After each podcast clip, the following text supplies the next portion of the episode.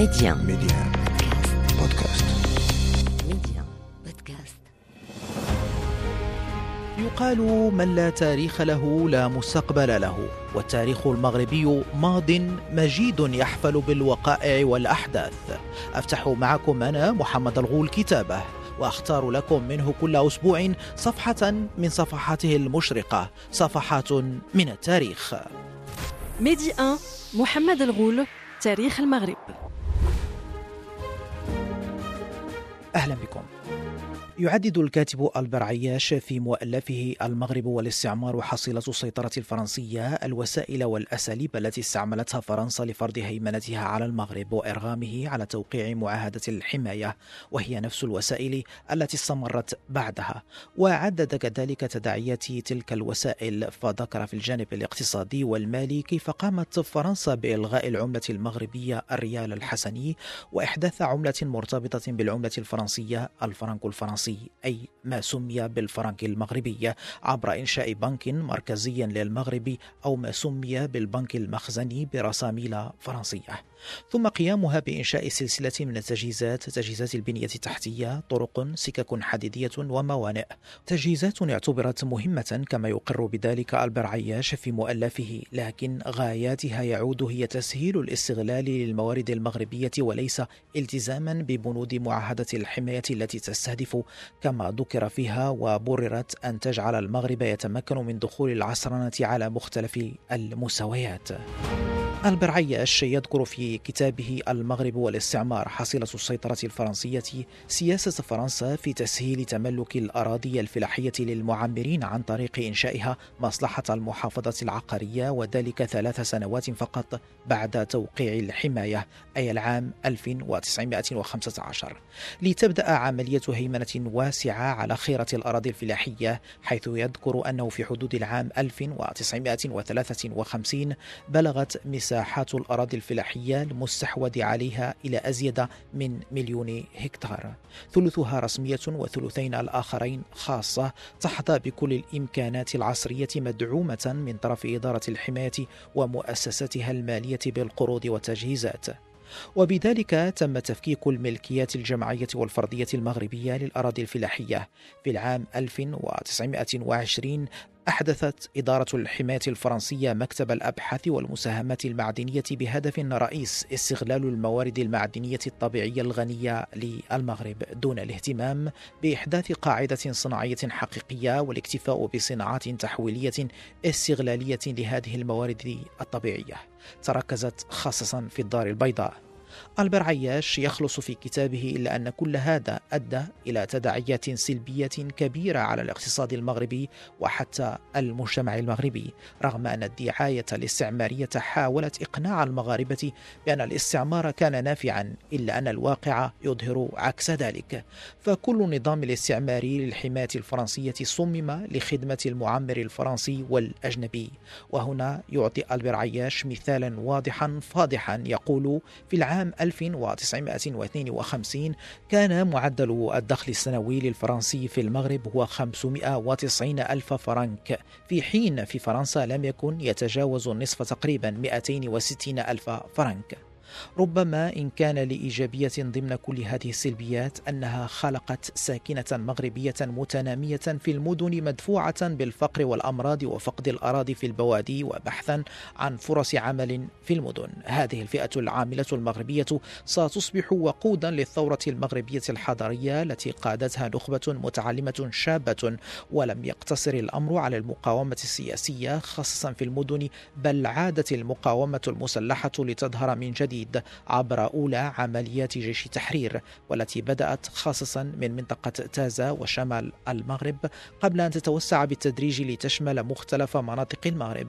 هذا الحراك الثوري المغربي كان فتيله الأقوى خلال هذه الفترة إقدام سلطات الحماية الفرنسية على عزل الملك محمد الخامس وتعويضه بابن عرفة الذي شكل خرقا واضحا وتأكيدا لا يحتاج دليلا على أن فرنسا لا تعتد بمعاهدة الحماية التي وقعتها مع المغرب بل تعتبر نفسها الآمر الناهي النهائي. في كتاب الحماية الفرنسية بدءها نهايتها حسب إفادات معاصرة ونقلا عن مصادر من تاريخ المغرب الدبلوماسي ترجمه إلى العربية مؤرخ المملكة الأستاذ عبد الهادي التازي. نقرأ. إن إقصاء السلطان محمد بن يوسف عن العرش سنة 1953 كان بصفة سريعة ومرتجلة لم يكن معها للجنرال كيوم أن يتصل بزميله في المنطقة الإسبانية. وهنا أزفت الآزفة لقد جرح الجنرال فالينو في كبريائه. هذا الجنرال الذي يحتفظ لنا بذكريات سوداء منذ الحرب الأهلية واستسلم السفير الإسباني إلى السياسة العمياء. إنه أصبح من الأنصار المخلصين لسيدي محمد بن يوسف. ومع أنه كان في إمكانه أن يتمسك بجانب الحياد على الأقل لكنه هل وقف به الأمر عند هذا الحد؟ لا إنه تعداه إلى أخطر من هذا. لقد أصبحت المنطقة الإسبانية مأوى حصينا لأولئك الذين يرتكبون هنا أعنف الاعتداءات. الأمر يتناقض مع المبادئ المتفق عليها ما بين الدولتين. وفي موقع آخر من الكتاب نقرأ وكانت للجنرال وهنا يقصد الجنرال فالينو على إثر هذه المذاكرة أحاديث مع أعوانه خرج منها بالملاحظة الآتية. أولا إن حزب الاستقلال أصبح نتيجة لسياسة كرانفال يقصد المقيم العام الفرنسي يؤمن بأنه ربح المعركة وأنه لجاد في عمله للإجهاز على ابن عرفة. ثانيا إن سكان المدن الذين تأثروا بالدعايات والذين ابتعدوا عنا منذ زمن بعيد أصبحوا يعتمدون الآن على ضعفنا لإنجاز خطتهم. هذا إلى الإشاعات المنتشرة هنا وهناك والتي تؤكد أننا سوف لا نستطيع من الآن أن نطلق النار على أحد ولو في حالة الإخلال بالأمن. ثالثا إن سكان البوادي أخذوا بدورهم يشكون في قوتنا ولوحظ أن بين هؤلاء من بلغ به التعصب والعناد إلى أن أخذ ينادي بالجهاد وذلك كما وقع في وادي ضم وحول انطلاق عمليات جيش التحرير نجد في موضع آخر من الكتاب وفي ليلة الثاني من أكتوبر هوجمت بتيزي وزلي وبورد المراكز الفرنسية الواقعة على حدود المنطقة الإسبانية. فمن هاجمها؟ إنها عصابة مغربية وردت من تلك المنطقة. فأما ما كان من بورد حيث مكتب الشؤون الأهلية وحيث لا عدة للدفاع فقد سقط في يد المهاجمين. وأما المركز الثاني فقد قاوم. هذا إلا أن المرصد الذي يقع في بوزنب صميم المنطقة الإسبانية والذي يشغله بعض رجال الجوم تحت قيادة ضابط فرنسي مساعد. أقول إن ذلك المرصد هوجم هو الآخر ليلة اليوم الثالث والسوليا عليه أيضا. انتهى نقلنا عن كتاب الحماية الفرنسية بدءها ونهايتها حسب إفادات معاصرة ونقلا عن مصادر من تاريخ المغرب الدبلوماسي. ترجمه إلى العربية مؤرخ المملكة الأستاذ عبد الهادي التازي من كتاب المغرب من الحماية إلى الاستقلال 1912-1956 لكاتبه جورج سبيلمان. ننقل في الحادي عشر من يناير العام 1944 نشر حزب الاستقلال عريضة تحمل توقيع 58 شخصية من الأوساط البرجوازية والشعبية أيضا ومن بينهم نجد جنبا لجنب موظفين من المخزن وعلماء ومحامين وأساتذة ومديري مدارس ومعلمين وتجارا وبعض الفلاحين ومن هؤلاء من يحمل ثقافة عربية فقط ومنهم عكس ذلك ممن تكون بثانوياتنا ثم يضيف في موضع آخر من الكتاب. كنت آنذاك مع صديقي روبر مونتاني في ديوان الجنرال كاترو بالجزائر العاصمة وبدأت الأخبار القادمة من المغرب تدعو للقلق. اكتسح الهيجان المدن وعم الاضطراب كل الشرائح الاجتماعية على مختلف مشاربها البرجوازية والشبيبة والصناع التقليديين والبروليتارية. أما السلطان فإنه لم يحرك ساكنا فحسب بل ظهر وكأنه مرتبط بحزب الاستقلال وأصبح يقال أخيرا أن الولايات المتحدة تساند مطالب الوطنيين في الصفحة 130 من كتابه المغرب من الحماية إلى الاستقلال 1912-1956 يتحدث جورج سبيلمان عن زيارة الملك محمد الخامس إلى طنجة. والتي شكلت علامة فارقة في السعي المغربي للاستقلال حيث كتب أثار عدم حصول المغرب على مقعد في الأمم المتحدة حافظة سيدي محمد والوطنيين معا خصوصا لما أصبحت العربية السعودية واليمن عضوان في المنظمة الدولية ناهيك عن دول الشرق الأوسط الأخرى. وبما أن فرنسا خالفت الصواب وعزمت على إبقاء المغرب تحت سيطرتها وبما أنها تنكرت لوعود الجنرال ديغول يجب إذن البحث عن طريق آخر لطرح مشكل المغرب أمام الرأي العام الدولي.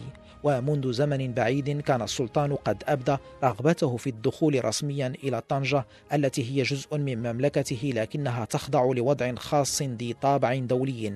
فعجل بذلك تحت تأثير مستشارين أمريكيين ومستشاريه الخاصين من الشباب. جورج سبيلمان في الصفحة 171 من كتابه يقول لقد بدأت مقاومة العهد الجديد في الظهور بالمدن حيث نجا محمد بن عرفة مرتين من عمليتي اغتيال ملفتتين للنظر ووقعت المحاولة الأولى بالرباط وجرت الثانية بمراكش حيث أصيب بجروح خفيفة فقد تشكلت خلايا إرهابية ونفذت بسرعة كبيرة مجموعة من الاغتيالات بالدار البيضاء أساسا وبدت السلطات عاجزة عن جعل حد لهذا الشكل الماكر والمستتر والخطير من العصيان والتمرد. ثم في الصفحة 211 يذكر لكن الحمى بدأت تعم المغرب وصار الاضطراب ينمو بشكل تصاعدي وانتشر في القرى. في الصفحة 228 كانت للكاتب إشارة لافتة لدور المرأة المغربية في المقاومة حيث كتب. إن التفكير والتأمل أثار انتباهي إلى أهمية الدور الذي لعبته المرأة المغربية في بلورة رأي عام متجاوب مع سيدي محمد بوتيرة تصاعدية. إن تدخل العنصر النسوي في المجال السياسي شكل سابقة ذات أهمية قصوى وكان السلطان ذكيا حينما أوصى منذ العام 1947 بتحرير المرأة المغربية تحريرا حذرا وفعليا في نفس الوقت. في الصفحة 233 من كتابه المغرب من الحماية للاستقلال 1912-1956 كتب جورج سبيلمان. في الحادي عشر من نوفمبر العام 1955 غادر الجنرال ديلاتور المغرب بعدما قدم استقالته وعوض بعميد الشرطة أندري ديبوا الذي عين كسفير نظرا للظروف السائدة حينها. انتهى نقلنا من كتاب المغرب من الحماية إلى الاستقلال لكاتبه جورج سبيلمان. وانتهى كذلك بناؤنا الكرونولوجي للأحداث التي شهدها المغرب خلال هذه الفترة الأخيرة من نظام الحماية بالمغرب وذلك في إطار إلقائنا الضوء بشكل أوسع على هذه الفترة التاريخية المهمة من تاريخ المغرب المعاصر والذي نكمله في هذا العدد من تاريخ المغرب. بالجزء الأخير من حوارنا مع ضيفنا الدكتور محمد بكور الباحث في التاريخ المغربي المعاصر. أهلا بك أستاذ محمد بكور على ميديا. مرحبا سي محمد آه، مرحبا بالمستمعين الكرام. شكرا على هذه الاستضافة الكريمة. أستاذ محمد نعم. الاستعمار يبقى استعمار في جميع الأحوال وكان هناك استغلال بشع للموارد آه، والثروات المغربية خلال هذه الفترة الاستعمارية. لكن المؤرخون المغاربة في نقطة ما يختلفون أستاذ محمد. آه، هذه النقطة هناك من من المؤرخين من يرى بأن الحماية الفرنسية لم تكن شرا كله خاصة خاصة أنها ربما مكنت المغرب من دخول المظاهر المدنية سواء البنية التحتية أو الإدارية. إلى أي حد يمكن اعتبار ذلك صحيحا أستاذ محمد؟ خاصة إذا أخذنا بالاعتبار كما ذكرت أن المغرب كان له نظام اقتصادي وإداري قائم. تقليدي صحيح لكنه كان قائما وظل قائما بالتوازي مع النظام الفرنسي آه، بعد توقيع الحماية. نعم. دعني أذكر هنا بأن المبرر العلني لفرض نظام الحماية كان هو العمل على نقل البلاد نقل المغرب من نظامه العتيق التقليدي إلى وضع دولة عصرية ذات هياكل ومؤسسات حديثة. آه، تؤهلها للتعامل مع المجتمع الدولي. ولتحقيق هذا الانتقال سيتم إخضاع المغرب لعملية تحديث قسري. رغم أن الوضع القانوني لنظام الحماية كان يحفظ آه، للمغرب شخصيته الدولية ولكن الأمر سيؤول كما تم تطبيقه على أرض الواقع إلى نظام استعماري مباشر قائم على استغلال الموارد واستغلال الخيرات المادية والبشرية. فإذا كيف يمكن تقييم هذا النظام الحماية؟ صحيح أن الحماية أتاحت الاحتكاك مع الحضارة العصرية وتقنياتها ومخرجاتها وبالتالي جلبت مزايا كثيرة إلى البلاد. لا يمكن الإخفاء أن المغرب قبل 1912 قبل فرض الحماية كانت دولة عتيقة جدا وتقليدية. لم تكن هناك أي تجهيزات عصرية لا طرق ولا بنيات إدارية ولا آه، وسائل تنظيم عصرية. كان بلدا عتيقا جدا. ولكن هل فعلا الحماية جاءت بهذه المزايا الحديثه للمغرب بشكل مقصود أم بشكل عرضي؟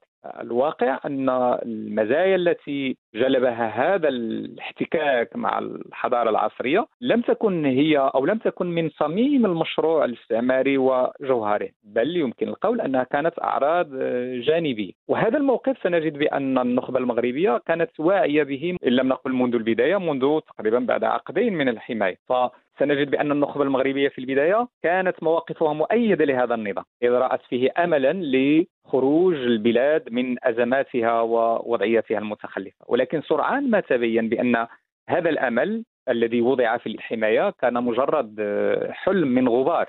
أذكر هنا مثلا بدفتر المطالب الشعب المغربي الذي رفع إلى سلطات الحماية في بداية الثلاثينيات بعد نشأة الحركة الوطنية وبالضبط سنة 1934 هذا يعتبر من الوثائق المبكرة التي أدركت التناقض الخطير الذي ينطوي عليه نظام الحماية. فالوثيقة تذكر صحيح بأن المغرب خطى خطوات واسعة في سبيل تجهيزه تجهيزا عصريا تخطيط الطرق مد السكك الحديدية إنشاء بنايات إدارية عصرنة الإدارة المغربية إلى آخره. لكن الوثيقة تؤكد بأن فائدة ذلك كانت عائدة بالأخص إلى الاستعمار إلى المعمرين وإلى الشركات الرأسمالية. بينما لم يستفد أبناء البلد إلا بطريق غير مباشر. فمساعدة المغرب على التحديث أو التجهيز الذي قام به المستعمر في المغرب لم يكن عملا خيريا بالطبع. الأموال التي بنيت بهذه البنيات التحتية وتم تجهيز المغرب ونقله إلى التحديث هي أموال من موارد المغاربة من الضرائب التي فرضت على المغاربة ومن خيراتهم ومن تسخير المغاربة لهذا الأمر. اذا الاستعمار لم لم يقم بعمل خيري في المغرب من خلال تحديث البلاد أو تجهيزها ونقل الحداثة إلى المغرب وإلى البلاد الأخرى كان يمكن أن يتم بطرق أخرى. أتذكر هنا البحث القيم للمؤرخ بيتر جران بيتر جران له كتاب حول تطور الرأسمالية في مصر وأطروحته الأساسية أن مصر كان يمكن أن تتحول إلى دولة حديثة إلى دولة ذات اقتصاد عصري ورأسمالي بدون التدخل الاستعماري بل إن التدخل الاستعماري أعاق هذا التحول الذي بدأه محمد علي منذ بداية القرن التاسع عشر. وهذا هذه الأطروحة كان لها أنصار في مصر وأنشأت في الحقيقة تيار تاريخي قاده مجموعة من المؤرخين مثل حنا نيلي ورؤوف عباس. وهي فكرة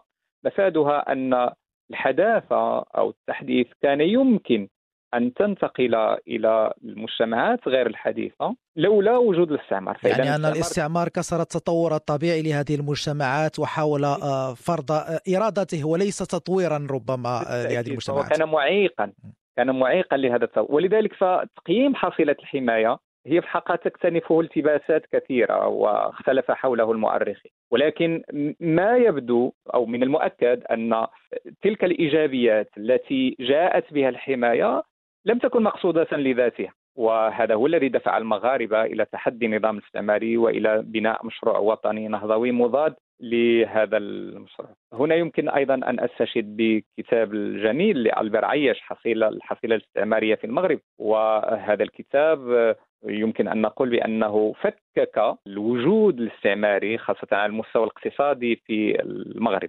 فالاستعمار أحدث بنيات هي في الحقيقة كان من شأنها أن تعوق تحقيق الإمكانيات التراكم الاقتصادي المستقل آه، على المدى البعيد. لأنه إذا كان الاستعمار وسيلة أو عملية استغلالية فهو بالتأكيد ليس مجرد عملية استغلالية بل لأنه وضع الاقتصاد المغربي في فلك الاقتصاد الرأسمالي الفرنسي والاقتصاد الدولي.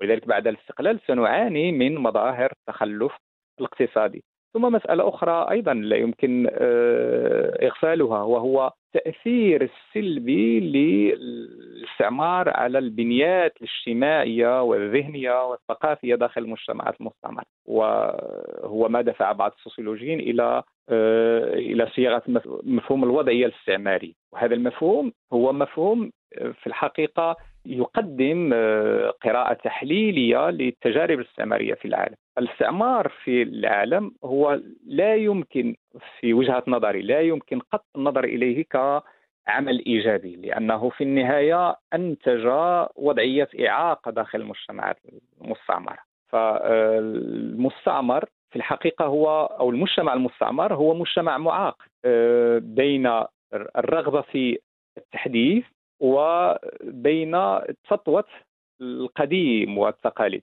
وسنجد بأن المستعمر لم لم يعمل قط على محاولة تحرير ذهنية الشعوب المستعمرة لاستقبال الحداثة واستقبال الفكر العصري بل سنجد بأنه كان دائما حريصا على المحافظة على التقاليد في الجانب الثقافي والجانب التعليمي. إذا تأملنا مثلا تجربة التعليم الاستعماري في المغرب سنجد أنها تكرس التخلف بأبشع صوره وتقريبا أكثر أو حوالي نصف قرن من الاستعمار في المغرب لم تتمكن القوى الاستعمارية لا الفرنسية ولا الإسبانية من بناء تعليم حديث عصري يحرر ذهنية الشعوب المستعمرة أو ذهنية نتحدث عن المغرب يحرر ذهنية المغاربة من وسائل أو عوامل التخلف.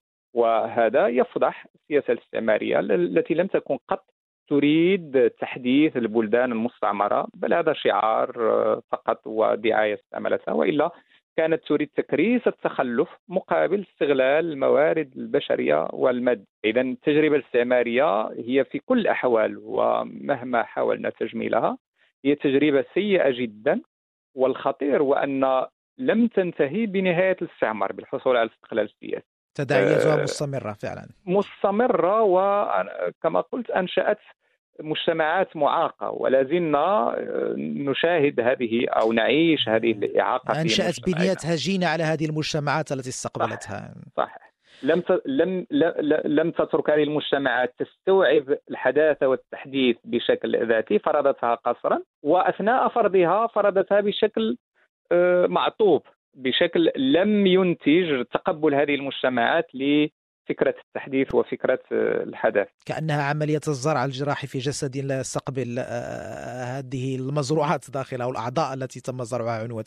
شكرا جزيلا لك أستاذ محمد بكور على هذه المعطيات القيمة. مرحبا سي محمد. شكرا لكم مرة أخرى على هذه الاستضافة الكريمة. أذكركم مستمعينا أنه يمكنكم متابعة كل أعداد تاريخ المغرب عبر تحميل تطبيق ميدي أن بودكاست. إلى اللقاء.